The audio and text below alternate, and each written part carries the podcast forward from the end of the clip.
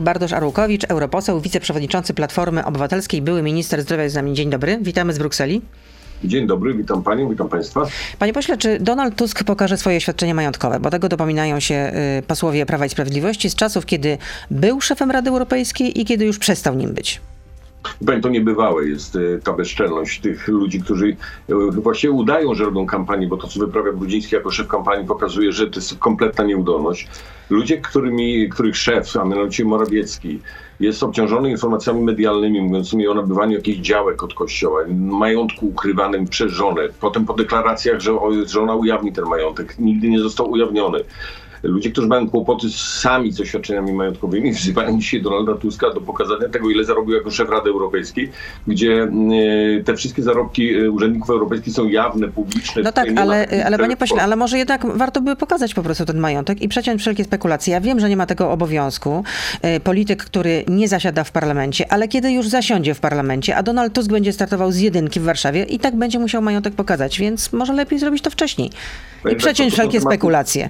To są tematy absurdalnie poboczne, yy, odsuwające tak naprawdę prawdziwe problemy, o których powinniśmy dyskutować w kampanii. Donald Tusk, jak zostanie posłem, złoży oświadczenie majątkowe. To jest oczywiste.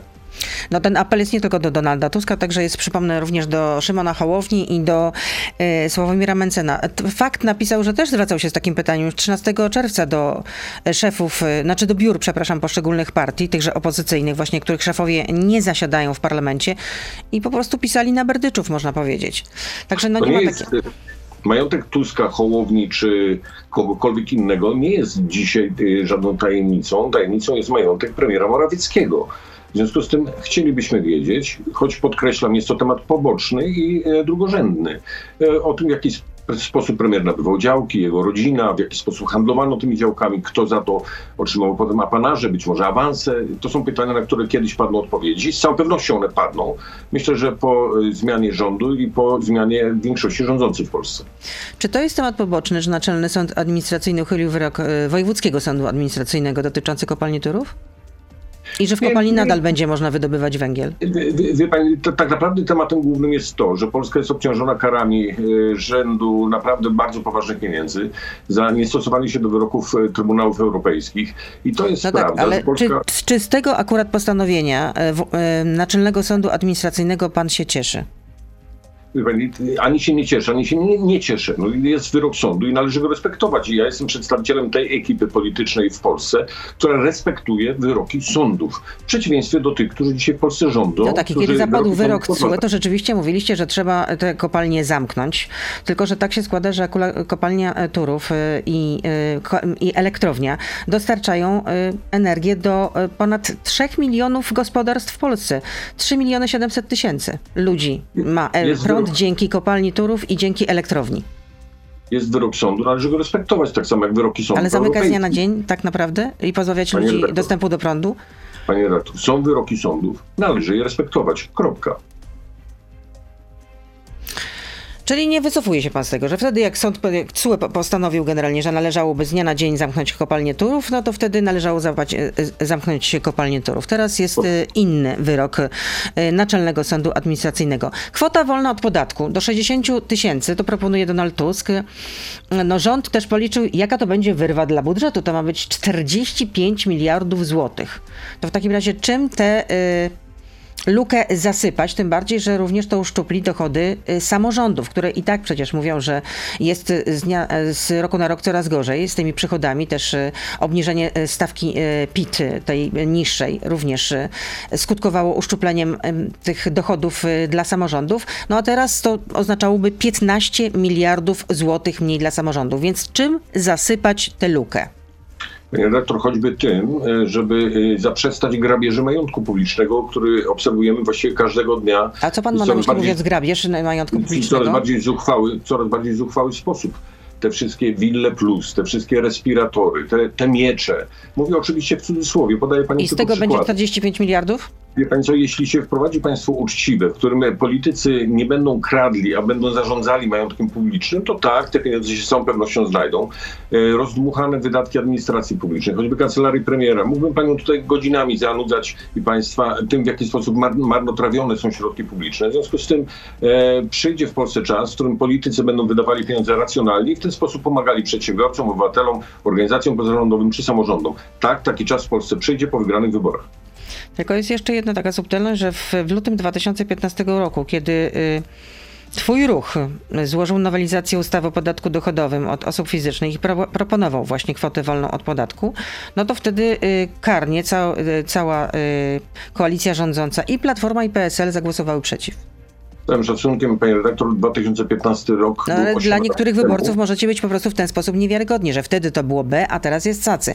No być może dlatego, że rosną również y, notowania Konfederacji, stąd takie, y, stąd taka propozycja.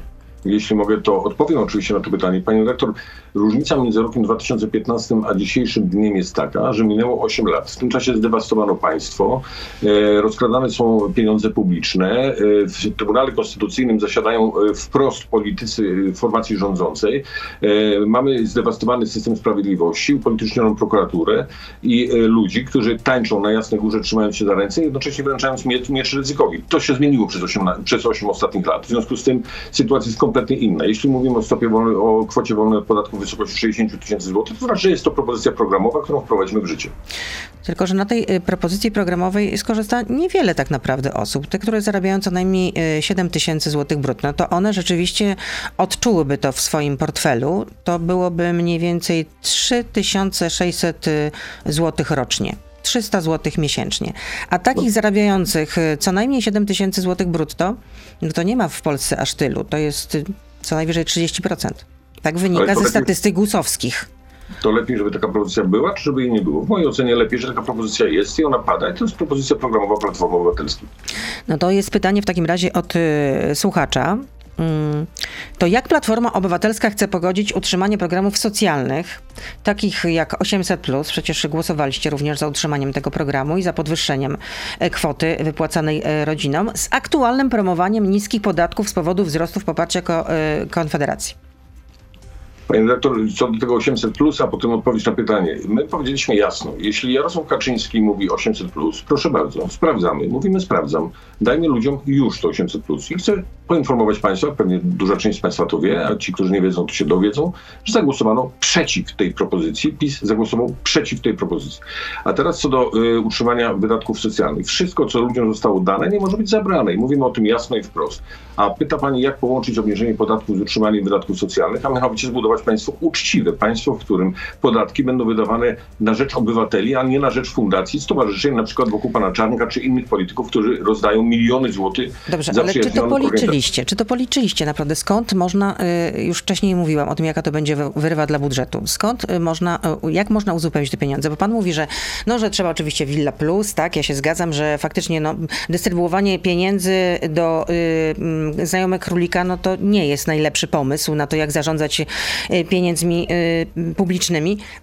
No ale czy macie dokładne wyliczenia?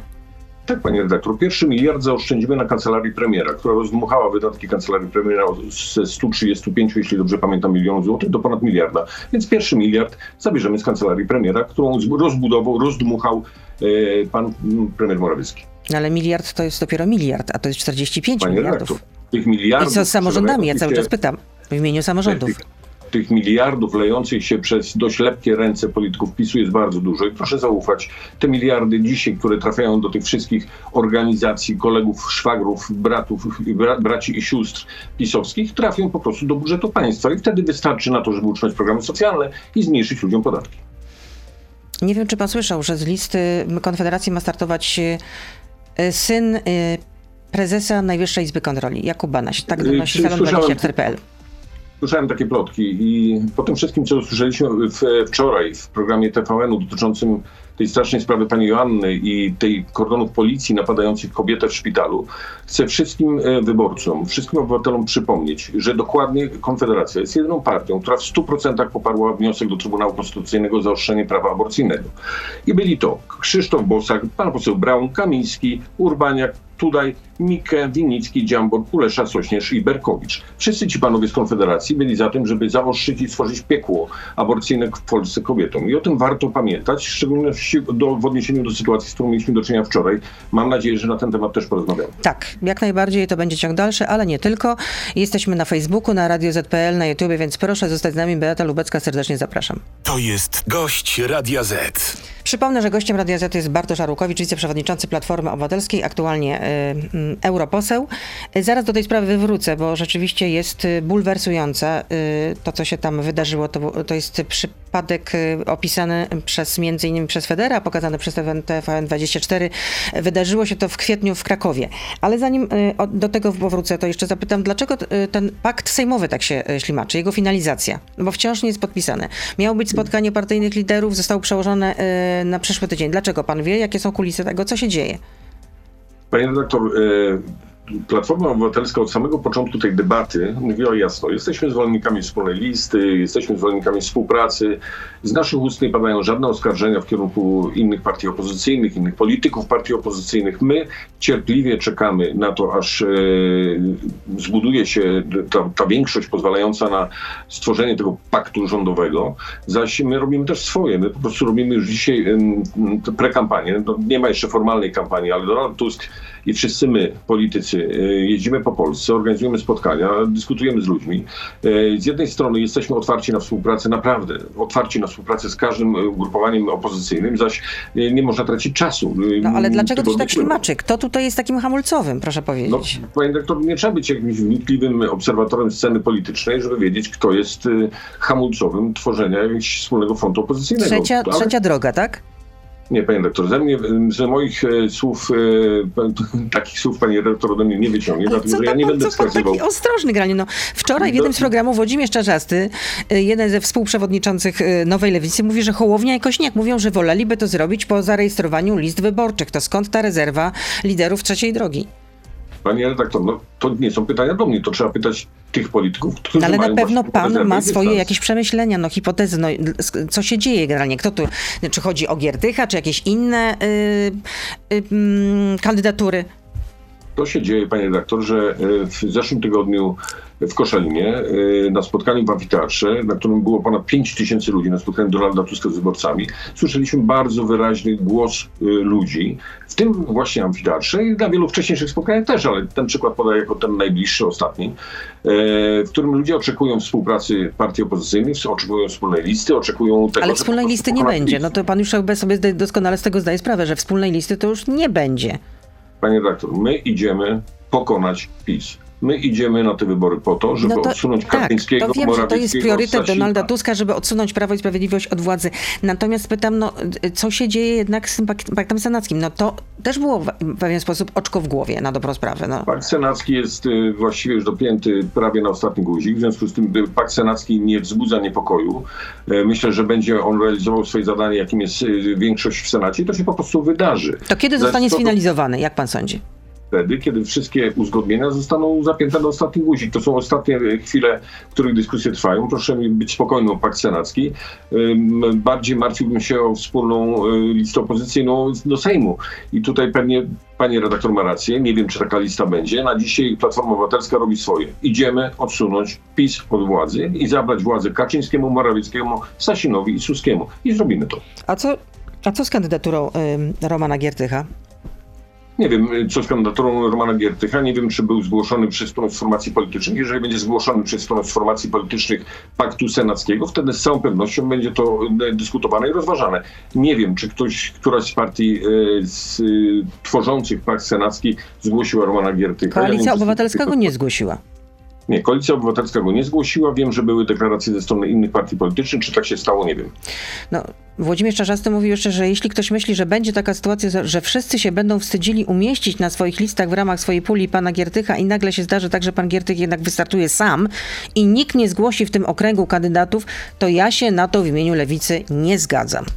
Pani co, ja znam od wielu lat Romana Giertycha. Patrzę, jak on ewoluuje w swoich poglądach, jak dzisiaj staje się twardym obrońcą wartości demokratycznych. No, nie staje się, jest twardym obrońcą wartości demokratycznych. Jak walczy o to, żeby w Polsce królowała jednak praworządność, a nie bezprawie. Dla pana ta metamorfoza jest wiarygodna, rozumiem, tak? Wie pani co, patrząc na to, co się wydarzyło w ciągu ostatnich lat w Polsce, ja nawet z Romanem Giertychem kiedyś jeździłem po Polsce na takie wspólne spotkania, w których dyskutowaliśmy i różniliśmy się właściwie we wszystkim e, w czasie tych otwartych spotkań z Giertychem, ale na końcu dochodziliśmy do przekonania i nasi e, widzowie czy goście tych spotkań dochodzili też do takiego przekonania, żeby zdecydować, czy bliższe ludziom są wartości Giertycha, czy, czy, czy w tym przypadku Arłukowicza, potrzebna jest w pełni funkcjonująca demokracja i możliwość wyboru. Jeśli to zostanie zachwiane, to nie będzie możliwości podejmowania takiej decyzji. W związku z tym wszyscy, którzy po stronie opozycyjnej walczą o praworządność, demokrację, utrzymanie zasad konstytucyjnych, są wartością dodaną. I niezależnie od tego dzisiaj, czy różnią się w takim czy innym poglądzie, bo dzisiaj demokracja w Polsce jest zagrożona. Jestem o tym głęboko przekonany, że tak dzisiaj w Polsce jest. A gdzie jest zagrożona? Gdzie pan widzi te, te zagrożenia? No choćby w tym, że dzisiaj e, spółki Skarbu Państwa uczestniczą wprost e, w, w, działalności politycznej, że mamy upartyjniony system prokuratury, że mamy telewizję kiedyś nazywaną publiczną, w której leje się właściwie jakiś szlam od rana do nocy i propaganda i kłamstwa. To wszystko, to wszystko jest jakby elementem procesu wyborczego i o tym mówi Europa, o tym mówią inne państwa, o tym mówią rezolucje Parlamentu Europejskiego, o tym mówią wszyscy demokratyczni politycy w Europie. I to jest oczywista prawda. A może mecenasowi Giertychowi przede wszystkim zależy na tym, żeby zdobyć immunitet, bo senat, senator ma immunitet. Nie, nie, nie, sądzę, żeby tak było, jak pan redaktor mówi, żeby walczył o immunitet, bo dziś immunitetu nie ma i jakoś jest dalej bezpieczny. Ale, ale, ale nie jest tak, że mieszka cały czas za granicą? Nie wiem, to proszę pytać Romana Giertycha, gdzie on mieszka. Ja nie śledzę jego życia prywatnego i nie mam takich ambicji w odniesieniu do żadnego innego polityka. Wracając do y, sytuacji, o której już rozmawialiśmy. Y, y, pani Joanna y, postanowiła, że zażyje tabletkę poronną, y, bo ciąża miała zagrażać jej życiu, jej zdrowiu. Y, jej zdrowiu. Poczuła się jednak źle, no i po, poinformowała o tym lekarkę i następnie wyzwana została policja, która w trakcie badania przesłuchała kobiety, dokonała rewizji i odebrała jej telefon. Tak. I po pierwsze, y, zadaję pytanie publiczne i chcę jasnej odpowiedzi od policji. W jaki sposób y, policja została poinformowana o tej sprawie? No Fundacja na Rzecz Kobiet i Planowania Rodziny Federa pisze, że lekarka wezwała policję. Ja chcę wiedzieć to od policji. Chcę znać zdanie policji w tej sprawie. Kto ich wezwał do szpitala, żeby dręczyć y, tę kobietę, która potrzebowała zwyczajnie pomocy? Jakim prawem policja wtargnęła na ten SOR? Jakim prawem wedle tego, co mówiła ta pani w telewizji, kazano jej się rozebrać do naga, kucać, kaszleć. To są jakieś tortury, to jest jakiś Iran, Afganistan, to jest jakiś Taliban kompletny, w którym dzisiaj uczestniczymy. Przypomnę, że rozmawiamy o policji z Krakowa. E, tej samej policji, która w odniesieniu, ja wiem, że to są dwie kompletnie różne sprawy i dwie kompletnie różne tragedie, ale z jednej strony czytamy doniesienia, że policja wie o e, nielegalnych wyścigach samochodów, że policja wie, że samochody jeżdżą z nadmierną prędkością po mieście i że jest jakaś grupa ludzi, która się tym fascynuje i dochodzi do tragedii. Z drugiej strony ta sama policja ma czas na to, żeby wpadać na SOR i grębić tą biedną kobietę. E, to jest państwo, które dzisiaj, które dzisiaj proponuje obywatelom PiS i Konfederacja. Podkreślam to bardzo wyraźnie. Też mam pytanie do pana Mencena, zadaję publicznie. Czy pan Mencen zgadza się z tego typu interwencjami policji, gnębieniem kobiety, która poszukuje pomocy lekarskiej? Bo ten sam pan Mencen proponował, czyli Konfederacja proponowała rozwiązania mówiące o tym, że kobieta za aborcję ma trafić na 10 lat do więzienia. Więc y, chcę Ale wyprostować debatę programie? publiczną. Czy to jest w ich programie? Y, to było w zestawie ustaw, które były prezentowane. Ale czy to jest w ich aktualnym programie? Panie redaktor, Odpowiadam pani bardzo wyraźnie. To były propozycje, które padały w tak zwanych 100 ustawach Mencena. Ale czy to jest w aktualnym programie? Panie redaktor, jeśli pani pozwoli, to skończę swoje zdanie. Więc proponuję panu Mencenowi, żeby odstawił piwo na stolik i odpowiedział w sposób poważny. Czy jest za tym, żeby policja maltretowała kobietę, która potrzebuje pomocy lekarskiej w związku z przyjęciem tabletki wczesnoporonnej? Chcę znać odpowiedź na to znaczy, pytanie. Słowo maltretowała tutaj jest chyba jednak za, e, jest za mocne, bo można powiedzieć, że to rzeczywiście to zachowanie policji no, było dla tej kobiety upokarzające, ale no, maltretowanie no, to jeszcze jest daleka droga do maltretowania, bo maltretowanie jeśli to jest pani, po prostu... No, to... Jeśli, dla pani, jeśli dla pani to, co się wydarzyło w tym szpitalu nie jest maltretowaniem... ale maltretowanie to, okay, to jest po prostu użycie siły jest. fizycznej, po prostu. I kogoś zmasakrowanie. Ta kobieta, no. ta kobieta ta kobieta, wedle tego co obejrzałem w materiale telewizyjnym, była zmuszana do czynności intymnych w obliczu sześciu stojących nad nią czy czterech policjantów. To no było to upokarzające, bez dwóch zdań. W ogóle tutaj to... Znaczy nie, nie będę z panią dyskutował, czy było to maltretowanie, czy nie. Według mnie to było psychiczne maltretowanie tej A, kobiety. No, psychiczne. Oczekuję, oczekuję od policji jasnej odpowiedzi kto ich tam wyzwał, wezwał, na czyje wezwanie pojechali, kto im dał uprawnienia do tego, żeby wtargnąć na ten sąd i w jakiej sprawie w ogóle oni tam byli. No, chcę też uprzedzić tych wszystkich policjantów, że przyjdzie czas, w którym będą musieli odpowiedzieć za tego typu sytuacje. Tak samo jak agenci CBA, którzy wtargnęli do gabinetu lekarskiego ginekolożki ze Szczecina. Ci wszyscy ludzie przyjdzie czas, że będą musieli odpowiedzieć za te wszystkie czyny. A sprawcą ich e, tej woli, chęci sprawdzania to, co się dzieje w naszym prywatnym życiu i niszczenia bezpieczeństwa kobiet jest Jarosław Kaczyński i ci goście właśnie z Konfederacji. I ci goście dzisiaj stanowią realne zagrożenie dla polskich kobiet. Krakowska e, policja zapytana przez TVN24, dodam, bo pan tutaj y, zadaje pytania publiczne skierowane pod adresem krakowskiej e, tele, y, policji, odesłała dziennikarzy do prokuratury. I co, co oświadczyła prokuratura? Że obecność policjantów, uwaga, wynikała z konieczności asystowania zespołowi ratownictwa medycznego i że prowadzono śledztwo z artykułów mówiących o pomocy w aborcji aborcji i namowie do samobójstwa.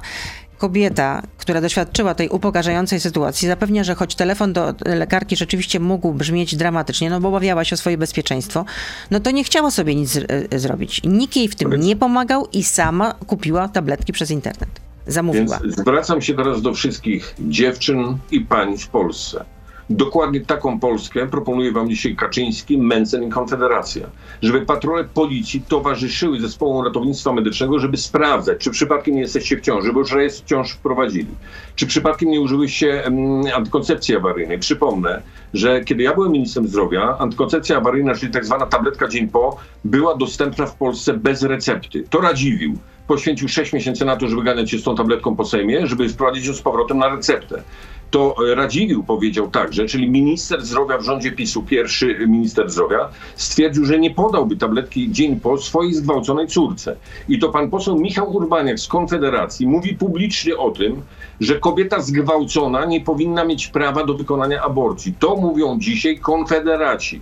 Dlatego zwracam się do wszystkich dziewczyn i pań w Polsce, żebyście dobrze usłyszały głos pana posła Michała Urbaniaka, który powiedział tak kobieta zgwałcona nie powinna mieć prawa do aborcji. To jest dzisiaj prawdziwe oblicze PiSu i Konfederacji, którzy szykują się do wspólnej aktywności rządowej w przyszłym rozdaniu politycznym. Ale nie dopuścimy do tego z pomocą państwa, ponieważ wygramy wybory i odsuniemy tych szaleńców od władzy.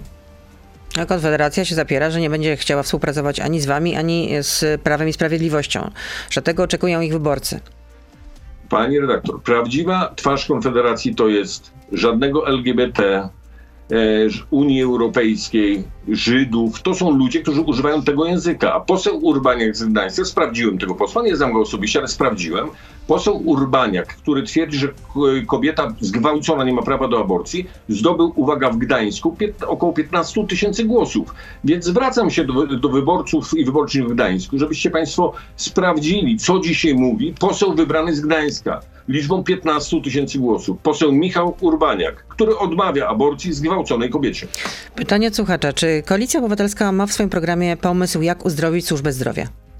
Panie redaktor, przede wszystkim trzeba y, doprowadzić ten system do sytuacji, w której nie będą y, miały miejsca takie sytuacje jak za ministra Niedzielskiego. W ciągu ostatnich ośmiu lat Zlikwidowano w Polsce 20 tysięcy łóżek szpitalnych. Zlikwidowano 250 specjalistycznych zespołów ratownictwa medycznego, czyli tych karetek z lekarzami specjalistami, którzy uczestniczą w akcji Ale teraz pan minister Niedzielski mówi, że będzie dodatkowe 15 miliardów, które trafią do systemu ochrony pana, służby zdrowia. Ja słyszę te wypowiedzi, słyszę oczywiście, tylko chciałbym zadać jedno pytanie panu ministrowi Niedzielskiemu. Skąd te pieniądze są? Czy z budżetu państwa, czy robi po prostu palcem przesunięcia w NFZ i opowiada te bzdurne bajeczki? Poza tym sposób wydania tych pieniędzy. Z tych 15 miliardów, o których mówi Niedzielski, 7 ma być wydane na pensje, 7 miliardów ma być wydane na koszty inflacyjne, a 600 milionów złotych ma być wydane na zwiększenie wyceny procedur medycznych. Panie redaktor, zadłużenie szpitali w ciągu ostatnich lat w Polsce zwiększyło się z 10 do 19 miliardów złotych to za Niedzielskiego zmarło ponadnadmiarowo 150 tysięcy ludzi w covid ponieważ miał związane politycznie i partyjnie ręce i był po prostu ministrem niedecyzyjnym. Ten sam minister Niedzielski no, no, jeździ dzisiaj co no, weekend no, do minister Piły. Niedzielski nie, nie, nie był jedynym ministrem, który sprawował ten urząd y, w, w, podczas y, COVID-u. Również wcześniej był Łukasz Szym, pewnie wcześniej był jeszcze Łukasz Szymowski przecież. Szumowski był, oczywiście zasłynął z zakupu respiratorów, które nigdy do Polski nie dotarły, za to też będzie musiał odpowiedzieć, ale Niedzielski był ministrem, który mógł podejmować decyzje w covid unikał tych decyzji e, i Polska stała się rekordzistą pod względem nadmiarowych zgonów. I chcę też powiedzieć o ministrze. Niedzielskim, który Kiedy pan był ministrem zdrowia, to, to jak zostało oddłużone szpitale? Bo to rzeczywiście jest zawsze po prostu temat never ending story.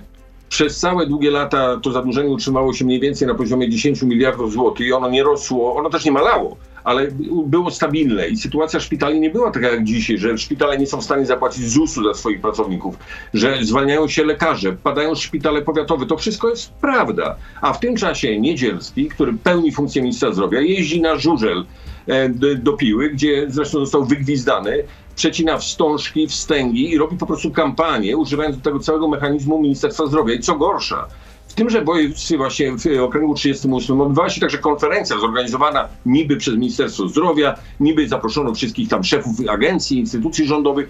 Jest to okręg wyborczy, z którego ma startować Niedzielski, która była sponsorowana przez koncerny farmaceutyczne. Tu powstaje pytanie, kto tak naprawdę to wszystko finansuje. Pan powiedział, że ta wizyta była finansowana przez koncerny farmaceutyczne? Na pewno widziałem, na pewno widziałem loga koncernów farmaceutycznych w czasie konferencji, w której uczestniczył minister zdrowia, co było rzeczą niedopuszczalną. E, nigdy właściwie żaden minister zdrowia, e, wszyscy unikaliśmy tego typu sytuacji, żeby e, bywać na konferencjach, czy, czy fotografować się em, z, z, z urzędnikami, czy z uczestnikami debaty publicznej w otoczeniu koncernów farmaceutycznych. Minister Niedzielski tego nie unika. Kolejne pytanie słuchacza. Według badań TNS Polska dla programu Forum, to było badanie, e, badanie z października 2012 roku, był pan najgorzej ocenianym przez Polaków ministrem w rządzie Donalda Tuska. Czy po ewentualnych y, wygranych wyborach, gdyby pojawiła się taka propozycja, czy zgodziłby się pan ponownie na to, żeby zostać ministrem zdrowia? Panie redaktor, to absolutnie za wcześnie jakichkolwiek dyskusję, kto będzie jakim ministrem, kto będzie premierem. Dzisiaj idziemy wygrać wybory i prosimy Polki i Polaków, wszystkich tych, którzy nas słuchają, chodźcie z nami. Idziemy naprawić, ratować nasz kraj. Idziemy odsunąć Kaczyńskiego od władzy, a dyskusje o tym, kto będzie jakim ministrem dzisiaj są absolutnie przedwczesne i niezasadne. Przypomnę, że wtedy 58% badanych oceniało pana źle, dobrze Panie 24%, doktor, y, zawsze- Joannę Muchę 56%. I uwaga, trzecie miejsce w tej e, klasyfikacji wtedy zajmował sam premier Tusk, którego oceniało źle 54% Panie badanych. najlepszym sondażem są zawsze wyniki wyborcze. Tak, wiem, to będę, wiem, e, każdy z was powtarza to jak mantrę, tak, też- absolutnie, to oczywiście, że tak, to każdy ma to wyćwiczone, po prostu halo. wykute na blachę. Damian, Halo, halo, panie redaktor. Ja mówię o wynikach wyborczych, które pokazały się już po tych sondażach, które pani przytacza. Nie będę ze wrodzonej skromności przytaczał wyników wyborczych, ale one mówią same za siebie. W związku z tym pani może posługiwać się sondażami, a ja będę posługiwał się zdobytymi wynikami Tak, wyborczymi. wiem, że pan się dostał generalnie tak, ale Platforma w 2015 roku jednak przegrała wybory. Damian pyta, dlaczego kampania Platformy jest oparta na Donaldzie Tusku, a reszta jest jedynie tłem waszego lidera? Dlatego, że Donald Tusk jest liderem naszej formacji. To pytanie jest dość proste i odpowiedź Ale to wygląda jak wybory prezydenckie, a nie parlamentarne, tak ym, zauważa słuchacz Damian. Panie redaktor, ja w Koszalinie widziałem Donalda Tuska, widziałem wielu innych polityków. Sam tam byłem, podawałem ludziom rękę, witałem się z tysiącami mieszkańców Koszalina, okolicznych miast, miasteczek, wiosek, którzy przyjechali na to spotkanie. W związku z tym nie miałem wrażenia żadnej samotności Donalda Tuska, miałem wrażenie, że jesteśmy wszyscy razem na scenie i tak dokładnie było. No, niektórym brakuje popularnych postaci, takich jak Trzaskowski, Rosa, Gasiok-Pichowicz, Sikorski i wielu innych. No, nie widzą tego, przynajmniej niektórzy wyborcy jakoś specjalnie, ale może, no rzeczywiście te osoby powinny być bardziej aktywne, trudno mi powiedzieć. To powiem tak. Wszystkim tym, którzy, którym e, brakuje tego typu kontaktu, zapraszam między innymi w tą niedzielę na giełdę koszalińską. Będę tam ja i kilku innych polityków. Product Będziemy placement. rozmawiać z ludźmi. Product tak na tym placement. Przemek pyta, kiedy y, w pana przypadku mm, mm, przyszła ta ewolucja poglądów? Bo jako poseł lewicy to pan niemiłosiernie krytykował pan PO i Tuska. Tylko proszę o szczerą odpowiedź. Ale na jakie pytanie? No, kiedy ta, zaszła pana ewolucja poglądów, że wcześniej pan, zanim, jak, kiedy pan był, y, zasiadał w ławach lewicy, krytykował pan y, namiętnie i żarliwie y, Donalda Tuska, a potem przeszedł pan do jego rządu. Ja w Platformie Obywatelskiej jestem już 12 lat. Pani pyta mnie o historię z roku 2011. Nie ja pytam, tylko Wtedy- słuchacz. No przecież Boże, kiedy ty mój, no chyba nie decyzję- będziemy cenzurować tego, co piszą słuchacze przecież. Ale ja nie zamierzam cenzurować. Odpowiadam cieszę pani się. na pytanie, że od 11 lat jestem aktywnym em, działaczem Platformy Obywatelskiej, jestem wiceprzewodniczącym tej partii i zamierzam e, Ale nie odpowiedział pan na pytanie. budować... Coś takiego stało, że jednak pan postanowił zainwestować e, swoje sympatie, swoją karierę polityczną w byciu Platformie Obywatelskiej. Podjąłem decyzję, że chcę funkcjonować i pracować w ugrupowaniu, które ma szansę rządzić Polską, które ma szansę No bo wtedy pan został ministrem do spraw polityki, polityki chyba senioralnej, tak to się nazywało. Pamiętam te konferencje w ogrodach w kancelarii premiera Rady Ministrów. Bardzo miło Pamiętam, mi, że pani pamiętam. Pamięta. Ba- bardzo mi miło, jako ten pamięta. minister, no niewiele pan tam skórał, trzeba powiedzieć. Panie redaktor, jeżeli naprawdę chce Pani ze mną rozmawiać o roku 2011, możemy się umówić na jakieś wydanie Pani programu y, o takim... Ja rozumiem, tak. Najlepiej po prostu to wszystko zdyskredytować, no, pośmiać się z tego ja- generalnie, a ludzie po znaczy, prostu też mają wiem, pamięć i pamiętają takie pani rzeczy. Dopuści do głosu, jeśli Pani mnie dopuści do głosu, to powiem. Mamy rok 2023. Polską rządzi dzisiaj Kaczyński z Morawieckim. Mamy Polskę, w której policja leje pałami protestujące kobiety. Policja wkracza na sory do kobiety, która potrzebuje lekarskiej pomocy. CBA wjeżdża do gabinetu ginekolożki, która i szuka e, papierów i zabiera je na kilka tygodni do, do jakichś archiwów CBA. Taką mamy dzisiaj Polskę. Więc jeżeli pani chce ze mną rozmawiać o roku 2011, mogę się z panią umówić na taki historyczny program. Ja nie będę Ale się, ja ja nie będę się panem umawiać na żadne historyczne programy, ani na cokolwiek nie będę się panem umawiać. Po prostu y, przeczytałam pytanie, które y, wysłał do nas jeden ze słuchaczy i tyle, a pan tu dorabia po prostu jakąś ideologię. Y, Kolejne pytanie. Dlaczego wcześniej atakowaliście Konfederację, że ich program gospodarczy zawierający m.in. powiązywanie e, kwoty wolnej z dwunastokrotnością płacy minimalnej jest zły, a teraz przy wzrostach Konfederacji proponujecie podobne rozwiązanie, czyli ta kwota wolna od podatku do 60 tysięcy złotych. Tak, jest to nasz punkt programowy, który zaprezentował Donald Tusk. 60 tysięcy jako kwota wolna od podatku. Jest to jeden z punktów programowych, który przedstawiamy właśnie każdego tygodnia na spotkaniach publicznych, które odbywają się w całej Polsce. E, patrzymy na to, w jaki sposób e, funkcjonuje polska gospodarka, jak funkcjonują ludzie na szalejącą inflację, na kłopoty e, podatkowe także ludzi. W związku z tym składamy propozycje adekwatne do czasu i momentu, w którym jesteśmy. I tak, jest to propozycja programowa Platformy Obywatelskiej. Dlatego zaproponował to Donald Tusk. Rozumiem. czy pańskim zdaniem, jest kolejne pytanie, koalicja PiS i Konfederacji jest przesądzona? I czy w takim scenariuszu dojdzie do polexitu?